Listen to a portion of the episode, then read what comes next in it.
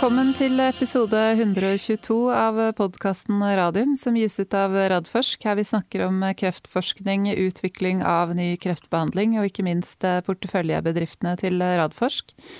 Denne episoden heter Selskapsoppdatering og korona, og det er 25. mars 2020. Velkommen nok en gang på telefon, Jonas Einarsson. Takk skal du ha, Elisabeth. Ja, på telefon fra hjemmekontor. Jeg er fortsatt på hjemmekontor. Ja, og der går det bra? Der går det bra. Nok å gjøre. Nok å gjøre. Ja, men det, det er altså Vi holdt på å si, vi som er så heldige å ha jobb, vi har jo nok å gjøre. Det... Ja da, det er, det er nok mer, mer fart i, i, i, samfunnet enn det vi får inntrykk av, tenker jeg. fordi at det er som du sier, det er, det er der hvor det ikke er produksjonsbedrifter og, og ting man, man, må være til stede, så, så tror jeg det fortsatt det er, det er veldig mange som holder hjula i gang. og jeg ser blant annet jeg har en sønn og hans samboer som begge er lærere, og pluss at de har to små barn, så de har i hvert fall fulle dager om dagen. Mm. Ja, det er, det er en kombinasjon hjemmeskole og hjemmekontor. Det, det, har jeg nesten lyst til å skrive bok om, men det, det skal jeg ta når jeg får tid. den, den, blir tragikomisk, for å si det sånn. Det tror jeg på. Ja. Men eh, vi skal ikke snakke om det nå. Vi skal eh, snakke litt eh, som sagt om, om, selskapene våre. For det er en rekke av dem som har sendt ut eh, meldinger. Og så er det jo litt spennende for oss nå som, som på en måte er jo interessert i, i medisin og utvikling av, av medisin, og så se litt på altså litt sånn større på koronasituasjonen, sånn som vi gjorde i forrige podkast, og det skal vi også gjøre. Men hvis vi starter med, med, selskapene, så har jo da Nordic eh, Nanovektor sendt ut eh, en melding om at de har fått en ny interim medisinsk sjef. Det er da doktor Dominic Smethørst, og han skal da erstatte doktor Lisa Roykjær. Har du en kommentar til den eh, meldingen, Jonas? Nei, ikke noe, noe, annet enn at uh, det er tydelig at uh, Lisa av en, en eller annen gang grunn slutter. og Det får vi jo heller ikke her vite, vite hvorfor. Og så er det jo selvfølgelig ikke det beste i disse tider å ha to interimer, både som CEO og, og CMO. Men uh, på den annen side så, så jeg, vil, jo jeg også utnevne den nye CMO-en som interim inntil en endelig CEO er på plass, som får det siste ordet i om dette er den riktige til å gå videre, eller om man skal ha, gjøre et større søk og få en, en, en annen CMO. Så, så, jeg tror ikke det er noen annen måte å takle dette på. så Det er vanskelig å legge noe mer i det enn det. Nei, men jeg må si at eh, da meldingen kom så ble jeg ikke så overrasket. Og det tror jeg har litt med å gjøre at eh, Lisa Roykjær ikke var til stede på, på kvartalspresentasjonen. Eh, altså da den første presentasjonen etter at eh, Edvardo Bravo hadde gått av. Så... Nei da, det det, det er, helt riktig det. At man, man, man kunne vel raskt eh, lese inn der at det, det lå noe i kortene, men det er, det er umulig å spekulere i, syns jeg. Ja. Men i hvert fall så får vi håpe at ikke det påvirker eh, de pågående planene som eh, Nordic har. De har ikke lagt ut en børsmelding, eller de har ikke sendt ut en børsmelding så vidt jeg ser, men de har lagt ut en oppdatering på nettsidene sine i forhold til koronaviruset. Um, og der står det vel står det at, det ikke, at ikke den pågående pandemien har hatt noen særlig Har ikke påvirket eh, studiene deres i noe særlig grad. Så det er jo bra. Ja da, det er fint, og det tror jeg egentlig eh, vel gjelder eh, alle, alle selskapene. Det er jo, vi kommer tilbake til det, men eh, ta det litt sånn generelt. fordi eh, de aller fleste har jo nå kommet med noen oppdateringer eller, eller børsmeldinger. Eh, og Det jeg leser eh, ut ifra de eh, sånn samlet sett, er at så langt så, så, ser det ut som de fleste har kontroll på de viktigste tingene, men at alle ser at det er utfordringer fremover. Og det er som sånn, For å starte i den ene enden der, så er det jo det med at man fortsatt kan produsere de produktene som skal brukes i de kliniske studiene. altså at ikke ikke fabrikker som produserer, blir, blir stengt. Og Det ser ikke ut som det er blitt det i foreløpig, i hvert fall, men det er jo selvfølgelig en, en mulighet. På den annen side så har de fleste selskapene, når de starter en studie, så har de sørget for at de har på forhånd produsert det, de virkemidlene og de stoffene man trenger for å forsyne de kliniske studiene med, med produktet underveis. Eh, så Det er én utfordring. og Det er klart at eh, det vil jo kunne bli en utfordring for Nordic Nanovektor, som jo må produsere eh, medisiner fortløpende fordi de har så kort halveringstid. Og Så kommer punkt to, som er, er og, og, vil kunne bli en utfordring. Og Det er frakten. Av, av, disse produktene til, til sitesene når de skal brukes. Uh, og mye, mye, av den, den type forsendelser gjøres jo vanligvis gjennom uh, ved, ved, vanlig flytrafikk, kommersiell flytrafikk. Fordi dette ikke er store, store collie. Og, og, det kan bli en utfordring. Man må vel antagelig skifte over til til cargofly, som vel, vel, får lov til å fly, hvis de får lov til å fly. Så, så er det litt usikkerhet der òg, men jeg går ut fra at de fleste har forsøkt å få fram de produktene de trenger til, til 16 sine. Mm.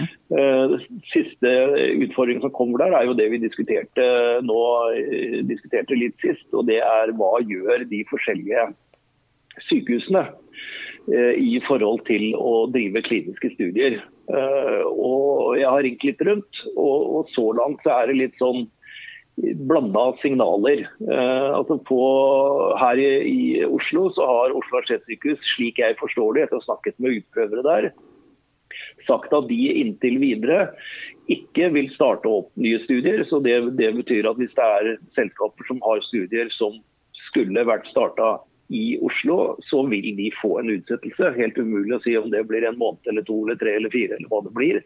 Men en viss utsettelse må man regne med der.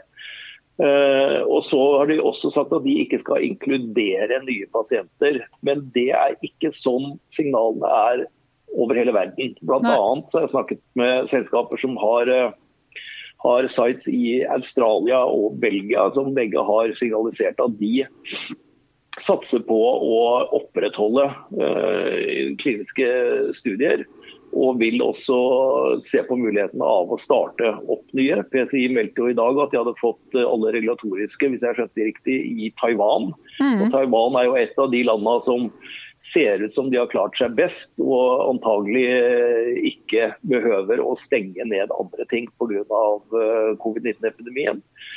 Og USA er jeg veldig spent på. fordi det er klart at alle de sykehusene som driver med intensiv behandling, eh, la oss kalle det mer vanlige sykehus, vil jo få et voldsomt press på seg nå, for det ser jo ikke bra ut der. Eh, og antagelig legge ned alt annet eh, behandling enn det som er høyst nødvendig i forhold til akutte syke og covid-19-syke. Mens hva vil et sykehus som spesialisert kreftsykehus som MD Andersen f.eks. gjøre? Det er, mer, det er usikkert. Men, men de vil jo fortsette å behandle selvfølgelig sine kreftpasienter. Mm. Og de har, de har, jo presisert at kliniske studier er en del av standard of care. Eh, sånn at Det kan jo peke i retning av at de kanskje vil fortsette å holde fokus på det. Og spesielt innen disse studiene hvor det er det vi kaller for total unmet medical need. Jeg beklager engelsken, men altså det, det, betyr at, Nei, at de ikke har noe annen de har ikke noen, behandling. Nei. De har ikke noen annen behandlingsmulighet. Uh, og Da får du litt sånn eh, etisk problematikk òg, når du vet at det er en studie som er åpent på sykehuset, som kanskje kan hjelpe pasienter som ellers ikke har noen mulighet til å få behandling. Så det er et veldig komplisert bilde. Det er liksom min, min konklusjon på dette. Mm. Ja, og så tenker jeg det vil være veldig forskjellig fra land til land i forhold til hva slags eh, beredskap eh, man har. I forhold til hva slags enheter man har bygd opp for kliniske studier. I forhold til hvordan man klarer å skjerme aktiviteten på de, på de enhetene, kontra hva man trenger å allokere til som du sier, da, å, å håndtere pasienter som kommer inn med, med covid-19. Så... Ja, og du har, du har, også alle disse pasientene som er med i disse studiene, og som så skal inn til en kontroll. Eh, hvor man kanskje skal ta et nytt sete, oppfølgingsbilde eller ta noen blodprøver eh, som en del av selve studien. Men oppfølgingen, de er ferdig med behandlingen, men er i oppfølgingsfasen. Hvordan vil disse pasientene da tenke hvis du er en, en eh, kreftpasient og skal til en kontroll som ikke er livsviktig for deg, men som er en del av studien? Vil du da sette deg i en, en, taxi eller ta en buss til uh, her i Oslo til Ullevål sykehus for å gjøre en sånn kontroll i disse tider. Det kan jo være at de får litt problemer med å følge opp også. Mm. Og I tillegg så, så, er det jo sånn at uh, eksterne folk jo ikke får tilgang til uh, sykehusene. I hvert fall her i Oslo og sikkert mange andre steder. Og Det er jo de som skal gjøre oppfølgingen, av disse såkalte CRO-ene. Clinical Research Organization, altså de som gjør selve oppfølgingen av studien for selskapene, hvis ikke de får tilgang mm. til å komme inn til sykehuset. Men jeg vet at FDA og andre myndigheter jobber intenst med å finne løsninger, digitale løsninger på dette, sånn at CRO-en kan gjøre sine monitoreringer uten å være fysisk til stede. Fordi både FDA og, og, andre er jo veldig opptatt av at vi fortsatt skal utvikle disse livsviktige kreftlegemidlene. Mm. Sånn at det bare blir skjøvet ned i en skuff og si at dette kan vi ikke bry oss om nå inntil videre, og kanskje studier blir ødelagt. Det tror jeg de kommer til å sette inn sterke ressurser på å forhindre. Så, så en del usikkerhetsmomenter, men, men jeg tror veldig mange vil legge mye ressurser inn og sørge for at de kliniske studiene, om de blir litt utsatt, i hvert fall ikke mister sin verdi. Nei. Vi får uh, satse på det. Uh, men hvis vi tar en gjennomgang av de selskapene som har sendt ut uh, meldinger. Jeg tenkte vi kunne kikke litt på Photocure, som også De var vel den første som sendte ut forrige uke en markedsoppdatering. Ja. Er det noe Altså, de melder vel at ting går som normalt, og at de men at de tar sine forhåndsregler, for de er jo noen av de som kan bli påvirket i form av at de kanskje ikke får tilgang til de sykehusene sånn som de, de ønsker. Men hva leser du ut av den meldingen? Nei, altså De adresserer jo direkte, og det setter jeg pris på, disse problemene. Eh, og, og, sier at de ikke har noe, noe brudd eller problemer på verken produksjon eller, eller shipments, altså forsendelser. Uh, og at de også har lager av Heksvik Sysview mm. som vil holde til ut 2020. Mm om så noen fabrikker skulle stenges ned, så har, har jo de bygd seg opp et, et, lager som gjør at de kan, de kan eh, sende og, og, og, forsyne de sykehusene som ønsker å, å gjøre dette. Uh, og at man skal slutte å følge opp en pasient som f.eks. er operert for, for blærekreft, det har jeg ikke noe tro på. Så, så, her vil jo være utfordringen være at de selvfølgelig ikke vil kanskje få, få solgt nok nye sko. Ja, det var det jeg tenkte på, i form av at de da kanskje ikke får tilgang. Ja, det kan nok få en hiccup uh, i. Men, men, det er ikke det som driver veksten i Fotokur heller. Det er jo bruken av de skopa som allerede er, er utplassert. Så, så jeg syns i hvert fall de adresserer dette på en veldig edruelig måte, og, og slett ikke, ikke, veldig negativt. Nei. Inntil videre. Eh, hvis vi da går videre til eh, Tergovax, som også har eh, sendt ut en, en melding. Hva leser du av den meldingen? Jeg leser at de presiserer at de allerede at de nylig har hentet penger. Mm. Og at de signaliserer at de ikke behøver å hente mer penger i den uh, over, litt uoversiktlige, men dog litt oversiktlige perioden som dette vil stå på. Det er den ene tingen de, de presiserer. Og så presiserer de også at de i stor grad det viktigste dataene som kommer fra de, er hos pasienter eller i studier som enten er, ja, som er fullrekrutterte, og som mm. det er bare utlesninger eh, av. Sånn at uh, de mener at de ikke skal bli noe særlig påvirka i sin fremdrift av å gjøre, gjøre ferdig de dataene til de studiene. Det er bra. Så går vi videre til, uh, PS, nei, til Ultimovax. Kan ta, ta de først. Ja, da er du jo styreleder, så det må vi huske å, huske ja, å si. der er jeg styreleder. Og det, det, vi har sagt er at, og viktig budskap er at Ultimax har en svært god cash position. Så vi har jo Dere har nok penger på bok? Vi har mer enn nok penger på bok til å gjøre dette, som vi har sagt vi skal gjøre. Og de studiene som er i gang, de vil ser det ut som kunne gå, eh, med de forvalg vi har nevnt tidligere, kunne gå som eh, planlagt. Eh, vi hadde planlagt å starte opp en studie i Oslo nå, som var meningen at det kom inn i mars. Den vil få en forsinkelse på, på oppstarten, det er, det er, helt klart. Men, men, det gjør egentlig ikke noe med, med tidslinjene i forhold til det viktigste første studien, som jo er den studien i i i eh, USA, som vi fortsatt eh, håper skal komme i gang eh, som, som planlagt. Det vi har snakket om, både Ultenvåg og også andre selskaper jeg har snakket med, er jo at når vi starter opp slike større kliniske studier, så vet vi jo at det tar tid å gjøre ferdig sites. og Vi starter med én, to, tre sites, og så kommer det neste og neste og neste sånn etter hvert. Og, og Det gjør jo at inklusjonsraten får en økning, men over tid. Eh, og Det vi nå satser på, er jo at vi skal kunne ha veldig mange sites klare til å trykke på knappen den dagen uh, dette, dette, dette, slipper opp. Sånn at vi da, da, sitter ikke og ruller ut nye sites, men har en hel bråta med, med sites som er klare til å sette i gang. Og forhåpentligvis vil det kunne ta igjen det meste av eventuelle forsinkelser. Mm. Ja, for det er mye, mye, annet arbeid man kan gjøre så lenge, nettopp med å forberede de studiene.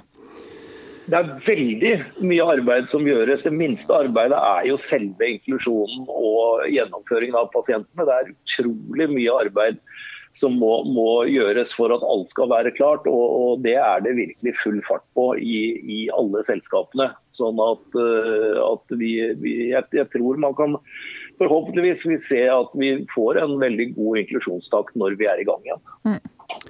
Det er bra. Og så er det siste selskap som har eh, sendt ut melding, og det var PCI Biotech som sendte ut uh, like før eh, vi gikk eh, i studio. Eh, hva tenker du om det de melder? Jeg tenker at de legger seg omtrent på akkurat samme linje som de andre selskapene, og tar høyde for at det kan bli utfordringer med inklusjoner, men at de samtidig har, er veldig godt i rute med å åpne sites. Eh, det vil si at de, de, melder jo nå at 34 av de 40 sitene de har planlagt, er klare. Uh, og er, er, aktivert. Og det er jo ikke sånn at det er stengt ned overalt. Så de kan, de kan fortsatt være at de kommer i gang sånn noenlunde etter planen. Og jeg nevnte jo det tidligere at de har fått uh, regulatoriske godkjenninger i Taiwan, som jo kanskje kan bli det første landet, for alt jeg vet, å komme i gang igjen uh, som, som, et nytt land uh, nå, siden det ser ut som de har, har veldig bra kontroll over uh, covid-19-epidemien. Så jeg synes de legger seg, legger seg, på mange måter i, i den samme løypa, og, og, også understreker at de også har en solid likviditet som gjør at de ikke behøver å hente inn noen penger nå. Ja, for det er det jeg også tenker ut fra den situasjonen man ser i Asia nå, med at det virker, det virker som eh, Singapore, Hongkong, Sør-Korea At de har vært gode på å få tidlig kontroll på, på altså spredningen av koronaviruset der. Eh, og i og med at det er liksom next in line at, at PCI ønsker å starte sites der, så tenker jeg at den, den, timingen for de er nok ikke så negativ som det man kunne sett for seg som det var forrige uke, når vi snakket om det? Nei, men det viser jo igjen hvordan dette bildet forandrer seg, og hvor raskt det forandrer seg. Sånn at det er jo, det er jo en svært usikker, usikker verden, da. Men, men, jeg tror ikke biotek er det verste stedet å være i dag. Nei. Eh, er det noe annet nytt eh, du har å melde fra selskapene, Jonas? Nei, ikke fra selskapene. Jeg kan jo nevne, nevne, litt på den jobben som gjøres nå med, med, å se på hvilke tiltak som myndighetene kan sette inn mm. uh, i, i, forhold til, til, denne type selskaper, som jo er prega av at, eh, at, det er små og mellomstore selskaper. Og bortsett fra Fotokur er selskaper som driver forskning og utvikling og altså ikke har, har noen inntekter. Eh, nå kan det jo sies da at eh, det, det, det, smellen blir jo ikke så ille i et selskap som ikke har noe inntekt å miste. Paradoksalt nok så kan jo det være, være, være, en fordel akkurat nå. Men det er jo klart at vi kan komme med selskaper, hvis dette blir langvarig, så kan det komme selskaper som da får et likviditetsbehov for å være sikre på at de skal starte en ny studie. Og så de, skulle de egentlig gått ut og gjort en emisjon for å hente inn penger til den studien, eller det begynner å bli runway med, med det de har av cash ikke er lang nok, så er jo dette et håpløst marked å gå ut og hente likviditet i. Og Da har jeg vært med å diskutere med, med myndighetene om uh, mulige måter å gjøre dette med likviditetstilførsel, og har spilt inn, uh, spilt inn en del ting der som, uh, som jeg håper de, de er lydhøre for. Og, det må jeg si at min kontakt med myndighetene nå, så er de virkelig lydhøre. De, er, de, de blir glad når du ringer og sier at jeg har et innspill og et forslag. Fordi de, de dette er en ny situasjon for de òg, og de vil gjerne finne de beste mulige løsningene på det. Mm. Uh, og det er klart at det, det å gi lån til uh, våre selskaper er jo en stor utfordring. For det første så er det jo ikke en bank som vil låne penger til et selskap som ikke har inntekter. Uh, så det, det er, er, i utgangspunktet nærmest helt umulig. Og, og det å gi statlige lån som da skal f.eks. betales tilbake over kort tid etter at dette er over, vil jo bare gjøre at disse selskapene drar med seg en ekstra gjeldspost når de skal ut og hente mer penger. Så Det er diskutert med, med departementet senest i går, er jo et innspill jeg fikk fra en av våre selskaper. Og Det er i forhold til denne finske modellen på, på det som tidligere het Tekes, som nå heter Business Finland. De har en modell hvor denne type selskaper får lån med en svært lav rente, så lav som det er lov å gi den i forhold til, eh, til EU-regelverk og andre ting. Og den, eh, det, er jo, det, er jo, svært lavt i dag. Det er jo nesten, Styringsrenta er jo, er jo snart nede på null. Eh, men at de da har en mye lengre eh, horisont på når dette skal betales tilbake, og at det knyttes opp mot at man lykkes med å kommersialisere. Og da den gevinsten man får av kommersialisering, det er den som da brukes til å betale ned på, på disse lånene. Eh, og Det er en veldig god modell, eh, som jeg håper at det kan være mulig at vi kan få noe lignende i Norge for, for denne type selskaper. Ikke bare innenfor biotek, men også andre alle forsknings- og utviklingsselskaper. Mm. Sånn at hvis man da ikke lykkes med å kommersialisere, så vil du heller ikke bli sittende der igjen, altså med et, med et gjeldstynget selskap? Det er sånn den modellen tenker, da? Ja. Mm. Det er helt riktig. Ja, Det høres jo veldig fornuftig ut, og som du sier, noe som vil være til stor hjelp for altså de fleste SMB-er som driver med så tung forskning og utvikling. Eh, så, som det er mange som gjør. Jeg ser jo det er veldig mange gründere som er eh, veldig bekymret nå. For de ser jo at det å hente penger i det markedet som er nå, selv om man ikke skal hente mye penger, det er nær sagt umulig. Eh, er, og, da kom, og, da kommer er, du jo ikke videre med, med, planene dine om å utvikle det produktet som du skal tjene penger på en gang i framtida. Nei, da, Det er helt riktig. Så En sånn type låneordning pluss at det de allerede har signalisert, og nå kommer jo den pakka i morgen, så mm. det blir veldig spennende å se hva den inneholder. Men så er jo det andre helt konkrete tiltaket som funker, er jo at man slipper utgifter. Ja. Det vil si at man, man ut, det er satt ned arbeidsgiveravgiften, man må ikke betale inn inn eh, skatt, eh, andre, andre avgifter som, eh, som, kan i hvert fall utsettes, men helst burde ettergis. Mm. Sånn at man ikke, For det er jo ikke sånn at man plutselig får penger når dette er over. og Hvis man da får plutselig at den, det, de avgiftene man da har sluppet å betale, plutselig skal forfalle tre måneder etter det, så er jo det bare å forskyve problemet. Så, så de må tenke litt på det og, og ettergi avgifter, tenker jeg. Ja. Ja, så ser jeg det er flere som har tatt til orde for at man har en ordning i Danmark som er veldig mye bedre i forhold til folk som er ansatt i selskaper også. At staten går inn og betaler altså lønn helt fram til, eller deler av lønna helt fram til, eh, til juni. Ehm, for det er jo veldig mange som er blitt eh, permittert nå. Jeg tror de siste tallene fra Nav var at eh, de hadde fått inn var det rundt 220 000 søknader til Nav om dagpenger. Og, og Nav har jo ikke engang et altså et IT-system eller ansatte nok til å kunne håndtere en sånn type pågang nær over natta. Nei, det er, det, det er helt riktig. Og, og, vi ønsker jo egentlig ikke å permittere våre ansatte i disse selskapene. Fordi Nei. de har så mye jobb å gjøre for å være beredt til å starte for fullt når dette er over. Mm. Så det er klart at hvis, men, men hvis man kunne fått lov til å permittere 50 f.eks. Altså at staten tar den 50% av lønna, men at de har frihet til å jobbe så mye de vil allikevel fra mm. sine hjemmekontor. Ja. Så ville det også virkelig, virkelig hjulpet. For da, da, da ville vi bremsa den interne burn-raten i selskapene i denne perioden. Og det, det ville absolutt hjulpet. Mm. Ja, og det er akkurat den diskusjonen rundt de tingene der som jeg ser går i den eh, Facebook-gruppa som du anbefalte forrige uka, den eh, koronadugnad for startups, at, at, det er problemstillingen til mange. Og så skjønner de ikke helt eh, Nav-reglementet i forhold til når du blir delvis permitterer deg selv. Det er ganske sånn skjemavelde der. Så det er nok noe ja. av det staten burde se litt nærmere på, for å gjøre det veldig enkelt i den situasjonen nå. Enkle tiltak, umiddelbar innføring, det er det som skal til nå, tenker jeg. Ja. Um, men hvis vi, hvis vi, holder oss til våre selskaper litt eh, til, eh, Jonas. Altså aksjonærer, eh, investorer, de som da har, har sitter på aksjer eller har investert penger i selskapene våre. Hva, hva, skal de gjøre i den situasjonen som er nå? Har du et tydelig råd, eller er det vanskelig å være generisk?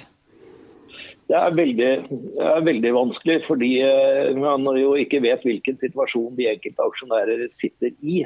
Eh, og hva man ellers har investert i, og hvordan likviditet er. Og, og, men, men, eh, hvis man har mulighet til å sitte stille uh, i båten uh, nå, så tror jeg at det er det mest fornuftige. Fordi jeg kan ikke se noe annet enn at vi kommer igjennom dette og, og, alt er relativt, men allikevel relativt raskt. Og, og, de grunnleggende og fundamentale verdiene i selskapene vil være der fortsatt. Og vi utvikler kreftlegemidler som det absolutt vil være behov for. Så, så mitt råd ville være at dersom man har finansiell mulighet til det, så, så ville mitt råd være å, å sitte stille nå. Og det, det gjør vi.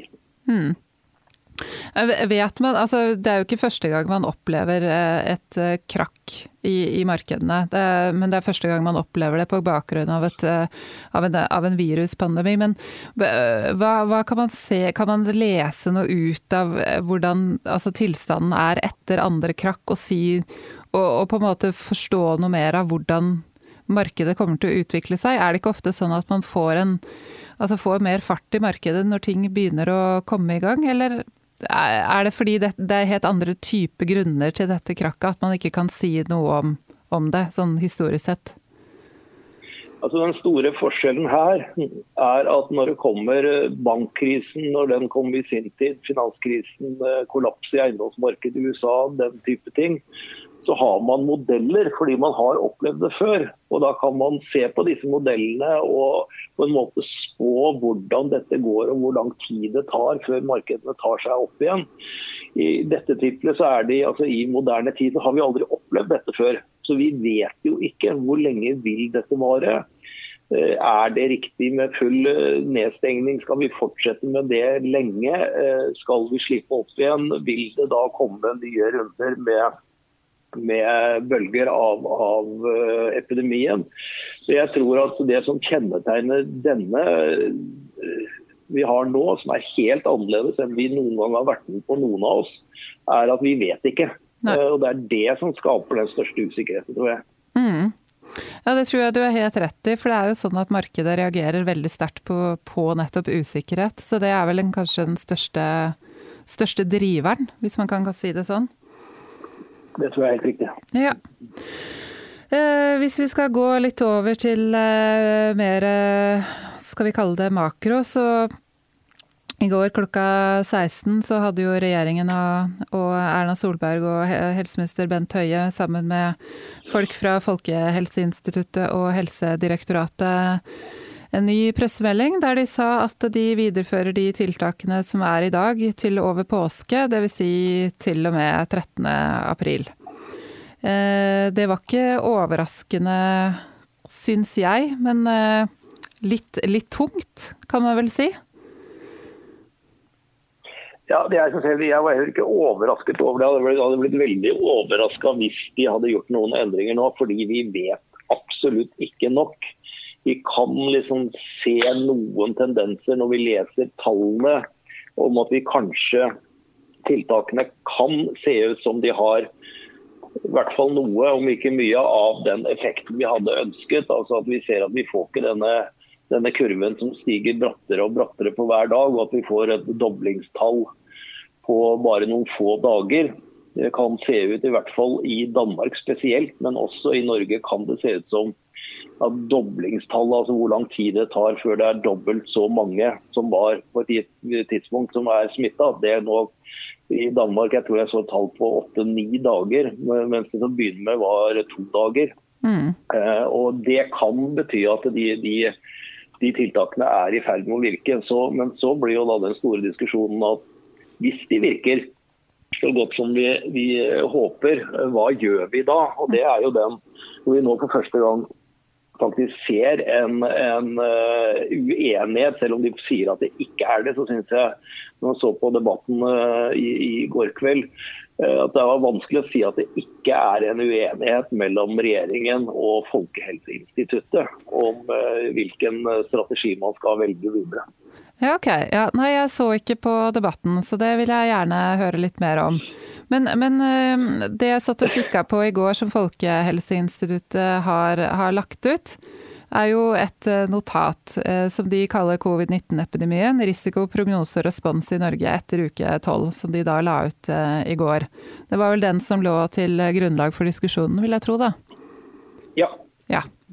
Og det, og det, som de på en måte Den vil jeg for så vidt anbefale alle å lese. Veldig lettlest situasjonsrapport. Og, og, hovedkonklusjonen er jo nettopp det at det har gått så kort tid eh, etter at, altså, etter at man iverksatte de tiltakene vi har i Norge nå, at vi kan ikke si noe tydelig om, om effekten. Eh, men at de ser for seg noen videre scenarioer, som er da en bremsestrategi eller en undertrykkstrategi. Kan ikke du si, si litt om de, Jonas? Jo, Vi kommer litt tilbake til det også når vi skal snakke litt om den eh, artikkelen som jeg har eh, anbefalt, den eh, såkalte 'Hammer and the Dance'. Mm. For den, den artikkelen beskriver veldig veldig godt disse forskjellige scenarioene som vi står overfor. Men da Kan vi ikke først ta oss og diskutere den, den artikkelen, da? Jo, det kan vi gjøre, fordi ja. dette, dette, henger helt, helt sammen. Eh, det de viser i, i den artikkelen, er da scenarioet eh, hvis vi ikke gjør noen ting. Mm. Eh, og Da får vi jo denne voldsomme toppen. Men i løpet av ganske kort tid så vil mer enn 60% av befolkningen være, være smitta, og, og, dermed dør epidemien ut. Fordi, fordi, man da får det vi kaller for flokkimmunitet. Ja, og det betyr det at ca. 60% har hatt eh, virus? Ja. ja. Eh, men det vil jo føre til at alle helsevesener i hele verden knekker fullstendig sammen. Mm. Og vi får voldsomt store dødsfall i hele verden. Fordi ikke noe helsevesen er i stand til å ta imot eh, det antall, antall smittede og syke der. Det er tall som er eh, helt Man klarer ikke å ta det inn over seg. Så det, det, er liksom ikke noe alternativ. Nei, for det handler jo så, om at man Det handler jo om at man da ikke på det første ikke er, i stand til å håndtere de som blir syke med covid-19, men da vil jo også man heller ikke være i stand til å håndtere noen av de andre som blir syke i, i samfunnet. Du får Nei, det, for det, det man kaller liksom collateral damage, at det, det bare man, man har ikke muligheten til å hjelpe noen. Altså, de som får et hjerteinfarkt, de vil, de vil dø. Ja. Uh, fordi de ikke får noen behandling. Så, mm. så det er et helt håpløst scenario. Uh, det neste som er i den artikkelen, som da går, kan sammenlignes litt med denne bremsstrategien, uh, det er det som de kaller for mitigation. og det vil si at Man setter inn tiltak, men, men ikke voldsomme tiltak som gjør at man bremser dette opp uh, litt, sånn at uh, det tar litt lengre tid uh, å, å, nå denne toppen. Men igjen så sier de i, i, den analysen at det heller ikke er en gangbar strategi, fordi det allikevel da vil bli altfor mange som blir, blir smitta samtidig altfor mange syke samtidig, og igjen en fullstendig sprengt uh, kapasitet i, i helsevesenet. Mm. Og Så kommer de til denne, denne undertrykkstrategien, som de kaller det her i Norge. Og er, suppression er, strategy. ja, og det er det de kaller for the hammer i denne artikkelen. Og det vil si at Du prøver å slå det ned. altså Du setter i en kortere periode inn de aller aller strengeste tiltakene. og Det er, det er nesten der vi er nå. Vi, er, vi mangler jo nesten bare portforbudet mm. på å, være, være, like strenge som de aller strengeste. Og så, eh, Når man da har sett at man ikke har noe, nesten noen nye smittetilfeller, som i Kina f.eks., mm. så begynner man å slippe opp ganske raskt. Og Det er denne dance-delen av The Hammer and the Dance. Og det vil si at Du da begynner å slippe opp relativt kjapt, men du driver en intens smitteoppsporing. Da, smitter, da må du ha testkapasitet hvor du kan teste nesten alle som får symptomer. Og Det, det er ikke den den strategien vi har i Norge i dag. Det er tvert imot, vi, vi, vi, tester jo ikke folk som har symptomer, bare der hvor de blir lagt inn på sykehus eller blir alvorlig syke, eller, eller med nærkontakter av de som er påvist smitte. Eh, og Det sier nok eh, de norske myndighetene, slik jeg forstår det også, at det er det de ser imot nå. At de, de skal forsøke å følge den, den, strategien som er i Hammer Dance. Og Det vil da si at det vil komme nye utbrudd, men hvis vi da er oppe på en massiv testing, så bør vi kunne isolere tidlig de nye utbruddene, sånn at det ikke blir nye bølger, men lokale utbrudd. Og så vil man isolere et nytt område eller, eller eh, tilfeller av, av nye, nye smitte, smittede. Og så klare å slå det ned igjen, og så vil man løfte opp igjen der. Og så vil man kanskje få et nytt utbrudd, og så vil man på en måte danse med viruset. Det er der den kommer det uttrykket. Sånn at du får sånne småtopper, men, men eh, du har ikke fått denne, denne flokkimmuniteten. Og da må man holde ut med det til vi får en, en behandling eller vaksine. Mm. Så Det er liksom tanken bak dette. Mm. Og det er vel eh, den strategien som de f.eks. Har, har valgt i, i Sør-Korea, som ser ut som det har fungert veldig godt der. Og der de, gjør de jo også denne massive testingen, ikke sant? Det er et godt eksempel på at de, de har valgt denne hammer and dance-strategien. Uh, som, som, ser ut så langt å kunne, kunne, lykkes der. Men det er klart at f.eks. i Kina og Hongkong bl.a. så var jo en av de tingene de, de slapp opp, var jo at folk fikk, fikk, lov til å komme tilbake. fordi De fikk jo ikke lov til det tidligere, komme tilbake til Kina igjen. og Det betyr at det kommer nye smittetilfeller inn. Men da må du jo også kjøre en knallhard Eh, strategi på hvordan du behandler de som er, eh, kommer, kommer, tilbake til, til, landet i form av karantene og alle disse tingene vi for så vidt gjør i dag. Mm. Eh, men da tilbake til debatten som jeg ikke så på. Hva, hva var det du syns uenighetene mellom, mellom fagfolkene og politikerne gikk på, sånn som du kunne se det? Nei, jeg, jeg, forstår det sånn at Folkehelseinstituttet uh, mener at vi, vi, bruker hammeren for mye. Uh, og at de vil, de vil, kjøre en mer mot denne bremsestrategien, sånn at de, egentlig vil, vil, slippe opp litt mer. Og de tenker faktisk da på andre konsekvenser av uh, av uh, folkehelsen, uh, som den psykiske folkehelsen, som uh, alle barn som nå må være hjemme i, hjem hvor de kanskje ikke har det bra og har mistet muligheten av fri, friminuttene sine med å være på skole og barnehage, og at man burde tenke på å åpne opp barnehager og skoler i, i tidligere enn det, enn det regjeringen er, er villig til.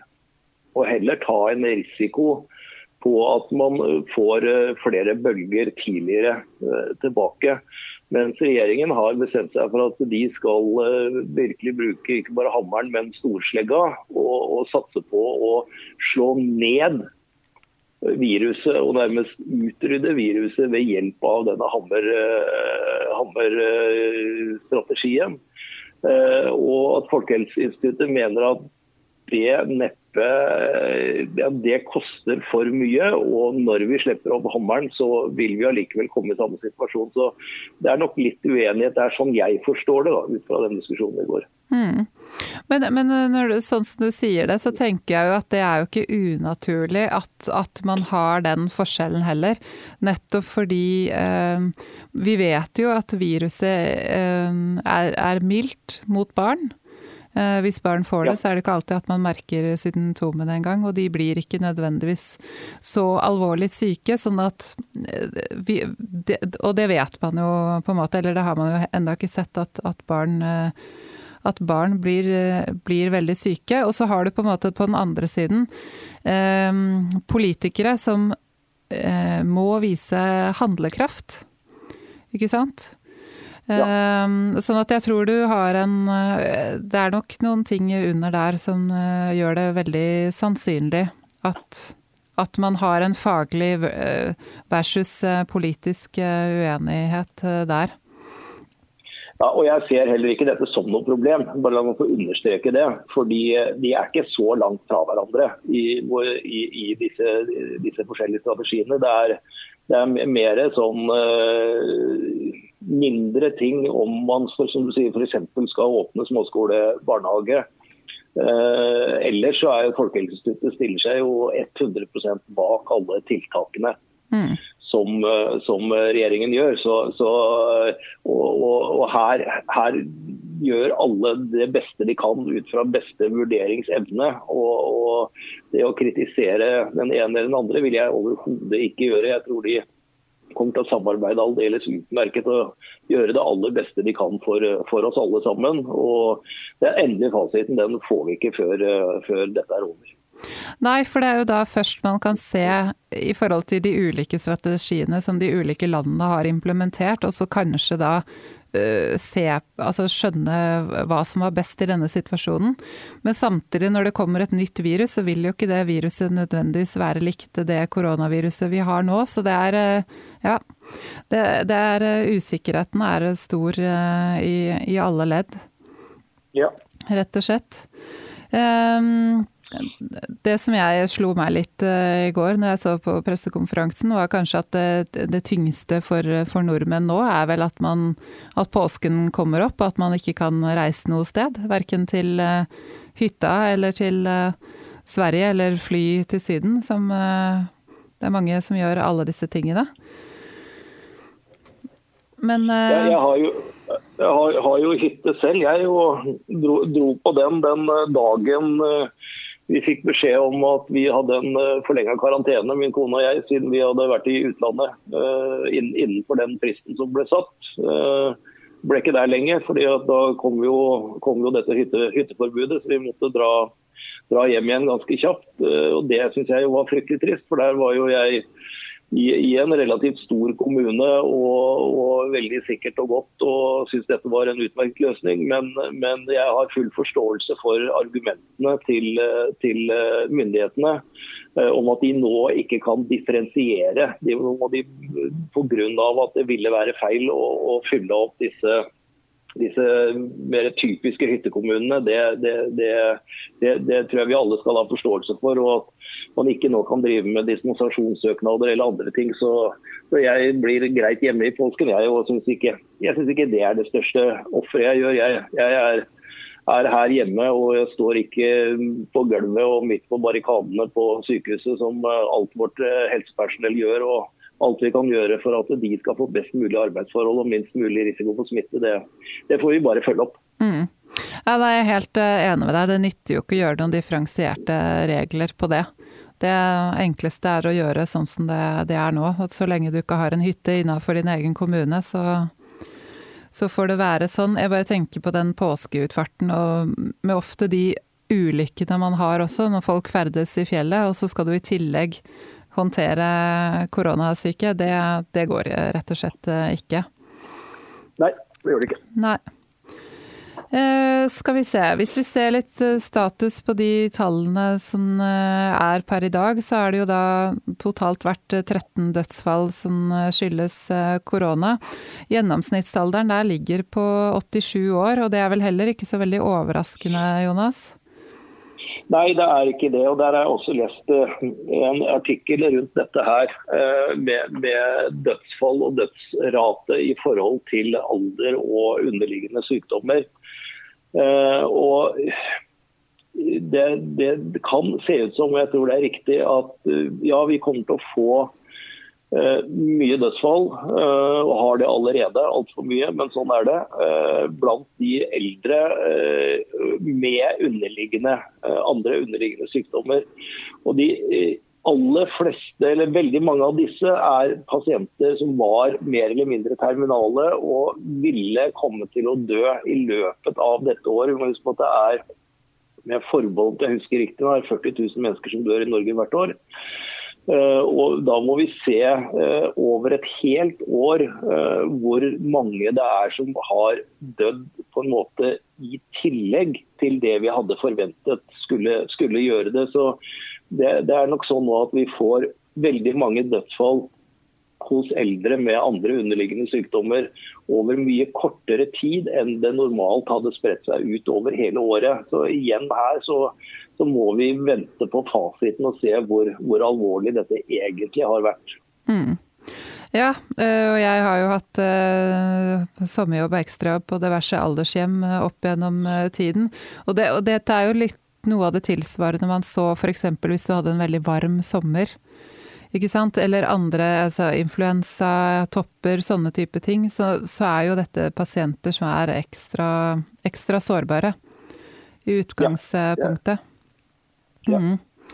211 eh, er innlagt på sykehus, 44 får behandling i respirator. Vi er oppe i 70, litt over 70 000 testede og 2868 smittede. Og der er gjennomsnittsalderen nå på 47 eh, av de som på en måte har testet det positivt. Um, og så når jeg kikket på tallene før vi gikk i studio nå, så er det altså 7777 sykehusansatte i karantene. Er det De aller fleste de aller fleste av disse som er i karantene, de har vært i karantene fra noen dager til snart 14 dager. Ja. Uh, og De aller fleste av disse vil uh, komme gjennom karantenen uten å bli syke. Det vil si at de på en måte er en sånn bere en beredskapspool mm. som vi kan ta etter hvert som de, de blir ferdig med karantenen sin.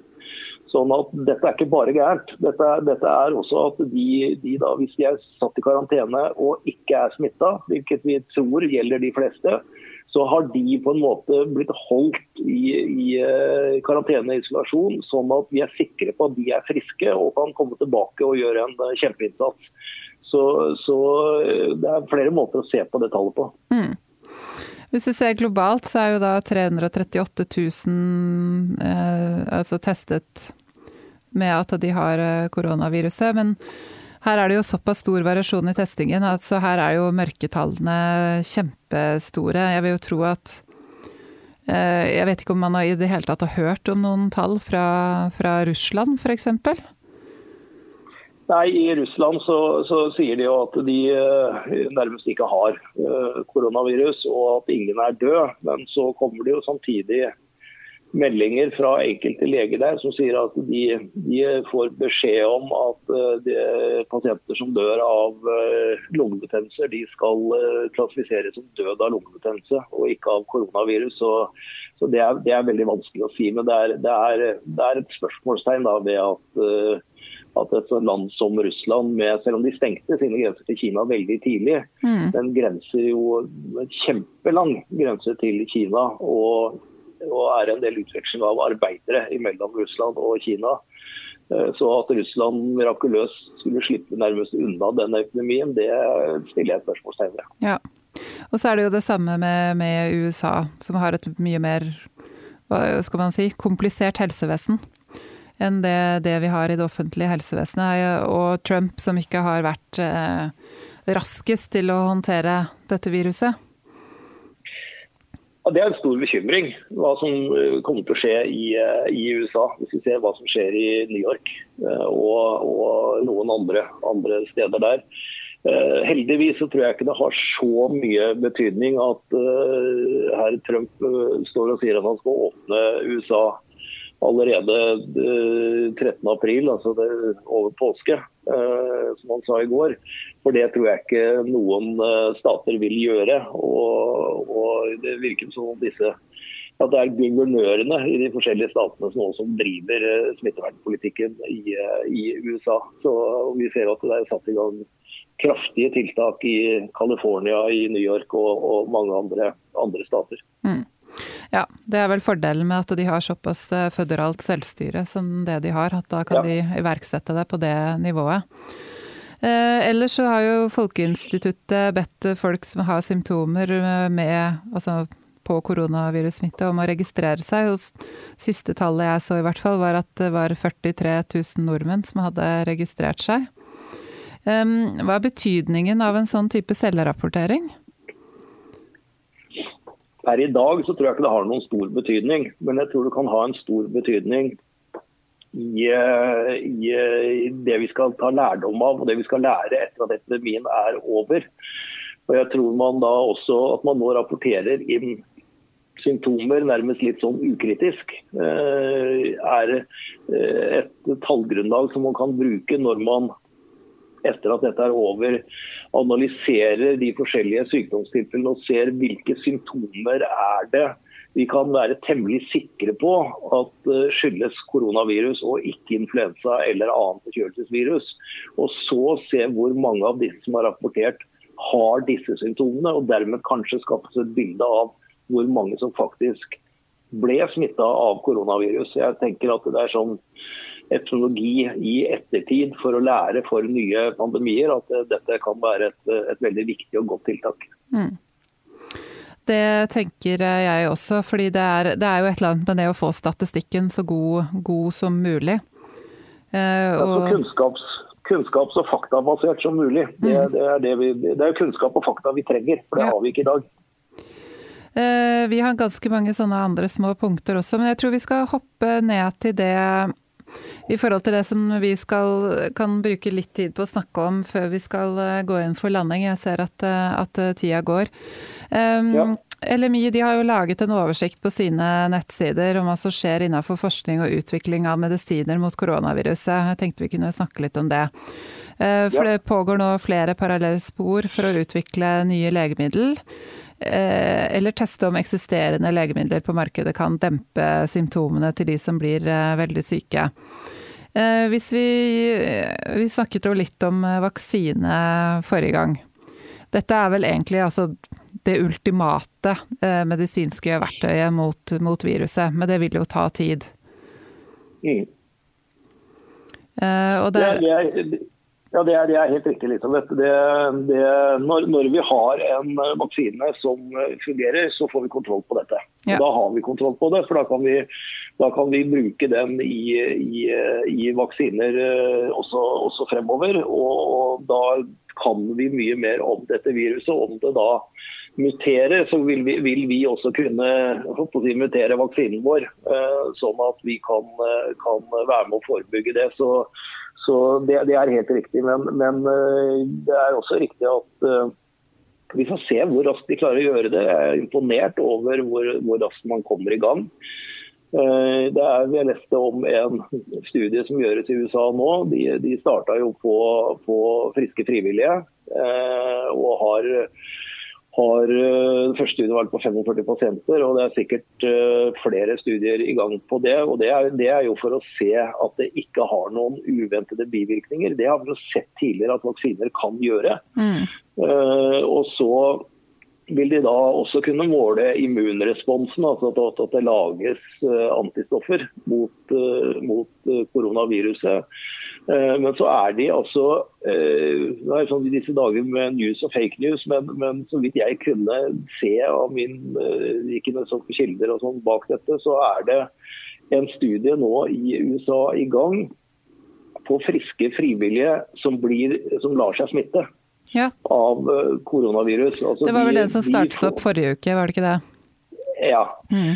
Og det, det, de gjør da, er at de vaksinerer uh, en del uh, friske frivillige som blir plukket ut veldig veldig nøye. Og dette er unge mennesker. De er screenet for alle mulige underliggende sykdommer. sånn at det skal være de som er aller mest robuste mot, mot viruset så får halvparten eller kanskje de randomiserer to til én, men en del får da denne nye vaksinen, og noen får placebo, altså samband.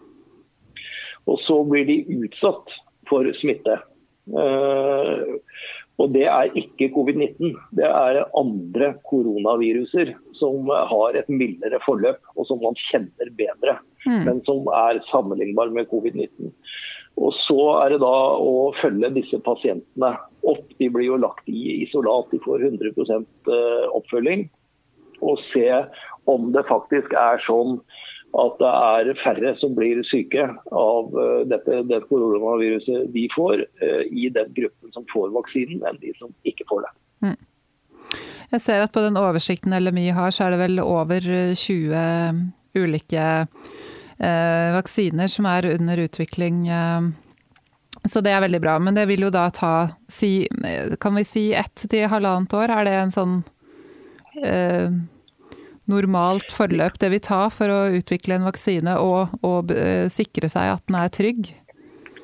Vanligvis ville det tatt lengre tid, uh, men, men, jeg tror kanskje Jeg ser at de, de snakker om nå fra nå og, og 8 til 13-14-15 måneder. Men, mm. men, det tar tid, altså, uansett. Ja. Ja.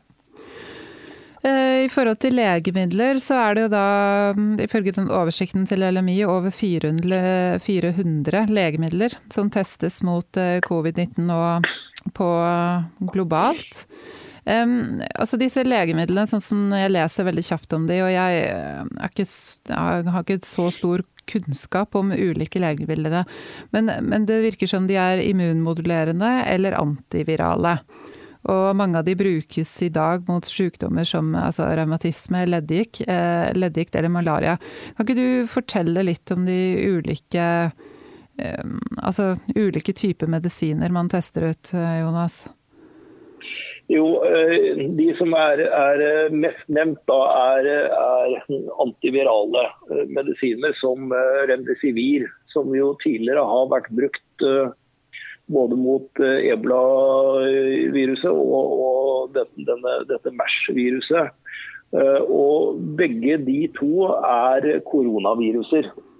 Det er annerledes enn covid-19, men det er koronavirus. og vil si at det er en sånn messenger-RNA, altså single-stranded RNA, som gjør at, eh, at de, eh, man kan tenke seg at når det har hatt en viss virkning, men igjen en viss virkning. Det er ikke sånn at man, eh, man kurerer alle som er syke med disse andre virusinfeksjonene. Spesielt ikke hvis det kommer seint i sykdomsforløpet. Men man, man, biologisk så kan man tenke seg at de kan ha en effekt også mot dette, dette viruset. Mm. Eh, men de resultatene vi har eh, så langt, er jo som han eh, doktor Forci, som står fortvila ved siden av Trump på disse pressekonferansene, sa at det er anekdotiske, de man har så langt. og vil si at det, det er ikke kontrollerte studier og veldig få pasienter. Så man må eh, Alle disse medisinene og de, de, som det mest snakkes om, er dette remdesivir, og så er det klorokin, som da er et uh, antimalariamedisin. Eh, klorokinen har sine bivirkninger og kan være farlig. Eh, og Spesielt eh, har jeg sett begynt å merke i at man advarer sterkt å bruke klorokin på pasienter i malariabehandling som har annen grunnleggende alvorlig sykdom. Mm. Fordi det, det, er farlig for de, og det er jo de som er mest utsatt nå. Mm. Nettopp de som har annen grunnleggende sykdom. Så, så her må det gjøres grundige og kontrollerte studier, og det er jo i full gang. Vi er jo bl.a. her i Norge med på, på i hvert fall én, og sikkert flere at jeg vet om det, studier i, som er internasjonale. Og Når vi da også gjør de internasjonalt og internasjonalt samarbeid, så kan vi jo fort komme opp i et uh, betydelig antall pasienter vi behandler. Så Det kan godt være at noen av disse medisinene viser seg at de ikke har for mye bivirkninger, og at de kan ha en viss effekt, spesielt i et relativt tidlig stadium av sykdommen. Og at vi kan ta i bruk disse medisinene på, på, pasientene, som vil kunne gjøre at uh, noen pasienter i hvert fall får et mildere forløp uh, og et kortere forløp. Eh, men at det skal dukke opp en, en mirakelmedisin nå som vil være the biggest game changer in history, som en viss president sa, det tror jeg er å kaste blår i øynene på folk. Så, så, ja, det kan komme noe vi kan bruke der, men det vil ikke være noe sånn uh, hokus pokus-løsning. Det, det, vil det ikke. Nei, for det er da poenget med disse medisinene. Altså, virker de sånn at de tar eh, viruset? At de på en måte slår ut viruset, eller demper de symptomene av virusinfeksjonen? Riktig. Det, nei, de, de, de, medisinene vi snakker om, spesielt disse, disse som retter seg mot RNA-viruset, eh, de eh, er ikke symptomatiske. De eh, skal virke inn på viruset ved å forhindre replikasjonsevnen ja. hos viruset. Sånn at viruset Eh, ikke dobler seg og, og, utvikler seg så fort som det gjør når ikke de får medisinen, og, derved altså får et, et snillere forløp. Eh, det symptomatiske behandlingen er jo det vi gjør i dag. og Det er jo eh, først og fremst pustehjelp. Mm. Nettopp. Eh, Remdesivir det prøves jo ut i kliniske studier i Norge på både OS og, og Haukeland.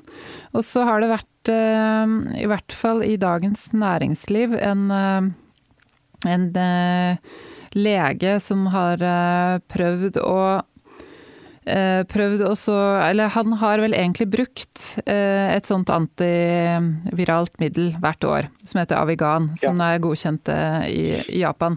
Og det har han fått lov Han har søkt SLV hvert år for å få bruke det i sin praksis, og fått lov til det, men han har ikke fått lov til det i år. Og så er han litt fortvila for det, fordi han har da data på at dette her kan kanskje være effektivt uh, mot viruset. Eh, og så er det en av lytterne våre da som lurer på eh, hvorfor sier helsemyndighetene at eh, det er kun remdesivir som man skal bruke nå i kliniske studier, eller teste ut. Eh, hvorfor ikke også dette legemiddelet?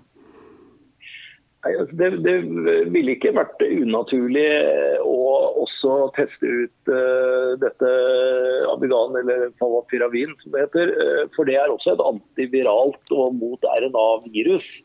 Eh, men jeg tror at de, det finnes veldig veldig mange forskjellige av de. Og, og her må man, tror jeg Det er ingenting som skulle tilsi at det er bedre enn f.eks. remdesivir. Så jeg tenker at de her har bestemt seg for at vi tester ut klorokin og vi tester ut remdesivir og kanskje noen til. Basert ut ifra alt det man kan samle av internasjonale publiseringer og artikler og velger de kandidatene de mener er best. Og da å begynne å behandle nå i disse dager med, med eksperimentell behandling, som man jo lettere kan gjøre når vi ikke har en epidemi. Men når vi har en epidemi, så må vi må vi kunne lære av alt vi gjør. Og det å behandle litt tilfeldig med en, eh, en annen medisin eh, der, det, det, vil ikke gi oss noe. Så jeg, jeg tenker at det, det, er sånn eh, legemiddelmyndighetene tenker, og så kan man jo være enig eller uenig i det. Ja, Men der ser jeg i, i, Danmark at de gjør faktisk akkurat det samme. Der får ikke leger lenger lov til å foreskrive klorokin. Eh, rett og slett fordi de er redd for at de skal bruke det på, på pasienter som har covid-19 uten at man vet om det har en effekt eller ikke. Her ønsker man også at det skal gå gjennom en, en klinisk studie. Så dette er tydeligvis sånn man tenker innenfor, eh, innenfor myndighetene og i forhold til at det skal være så forsvarlig som mulig for, for pasientene? Jeg tenker at det er den internasjonale infeksjonsmedisinske eliten som har eh, samlet nå og deler alt det de har av, av kunnskap og, og kommer fram til felles retningslinjer uh, på dette og hvordan det skal gjøres. og Det tror jeg, det tror jeg vi skal overlate til de. Ja. Det tror jeg eh, også er en eh, god idé, og så får vi heller følge aktivt med. Ehm, jeg tenkte En siste ting vi kan si litt om, er jo at det er veldig mange nå, ser jeg, både enkelte stemmer, men for så vidt også, også land som kanskje er litt der at at man ser at de tiltakene vi gjør i dag, det at de får så stor, store effekter på økonomien, og da, dermed også stor effekt på eh, altså arbeidsplasser, eh, børsene går åt eh, skogen. Jeg så en graf i dag på Twitter som viste at eh, man har vel aldri hatt noe lignende børskrakk i senere moderne tid. Man må tilbake da til det krakket på Wall Street i, i 1987. Eh, og så hvis man veier da opp eh, konsekvensene av de tiltakene man gjør mot viruset, mot konsekvensene det har på det globale verdenssamfunnet, så står det kanskje ikke helt uh, i stil. Hva, hva, tenker du om dette dersom vi er i dag? Jeg syns det er fryktelig vanskelig fordi vi ikke vet. Jeg tror vi kan være enige om alle sammen at det å slippe opp og, og, åpne opp alt igjen og si at dette får bare fyke gjennom, det kan vi ikke leve med. Det blir altfor mange, ikke bare gamle og syke, men også unge mennesker som får andre typer sykdommer og skader og ikke får behandling i en ganske lang periode, og et helsevesen som har knekt helt sammen, det, det kan vi ikke leve med. Og så er jo da diskusjonen skal man bruke når vi snakket om tidligere i, i, sendingen, skal man bruke storslegga, hammeren, eller skal vi danse litt? Eller hva er det riktige? Jeg tror man må føle seg litt fram og, og ta til seg hver dag som går med ny kunnskap og nye tall, og tilpasse det, det, på den måten. I ettertid så kan det være vi sier at dette var øh, overdrevet og vi skapte en kjempeøkonomisk katastrofe som ikke var nødvendig. Men eh, jeg tenker at helsemyndigheter og politikere og myndigheter tenker at den smellen er bedre å leve med enn en smell hvor, hvor, utrolig mange mennesker dør uh, unødvendig. Mm. Ja, og jeg tenker eh, for dere som vil se litt nærmere på de tallene i forhold til de ulike scenarioene, så står det i den artikkelen 'Hammer and Dance' som vi har snakket om, og det står også eh, sånne forskrivninger i, i, det notatet fra Folkehelsa som vi har snakket om, som viser ganske stort forskjellen i antall, spesielt da døde, eh, hvis man, som du sier, ikke gjør noe kontra det å, å enten bremse opp eller, eller bruke hammeren. Ja. Eh, vi kommer til å legge ut eh, de artiklene i, eh, under episoden, så man kan sette seg ned og, og kikke litt på det. Har du noen siste bevingende ord fra hjemmekontoret, Jonas? Eh, nei, altså, jeg er jo utrolig privilegert som får lov til å fortsatt være, være frisk og, og, og, sitte hjemme, men samtidig har all teknologi som gjør at jeg kan, eh, kan både delta i, i eh, debatter og, og, komme med innspill og følge opp selskapene våre.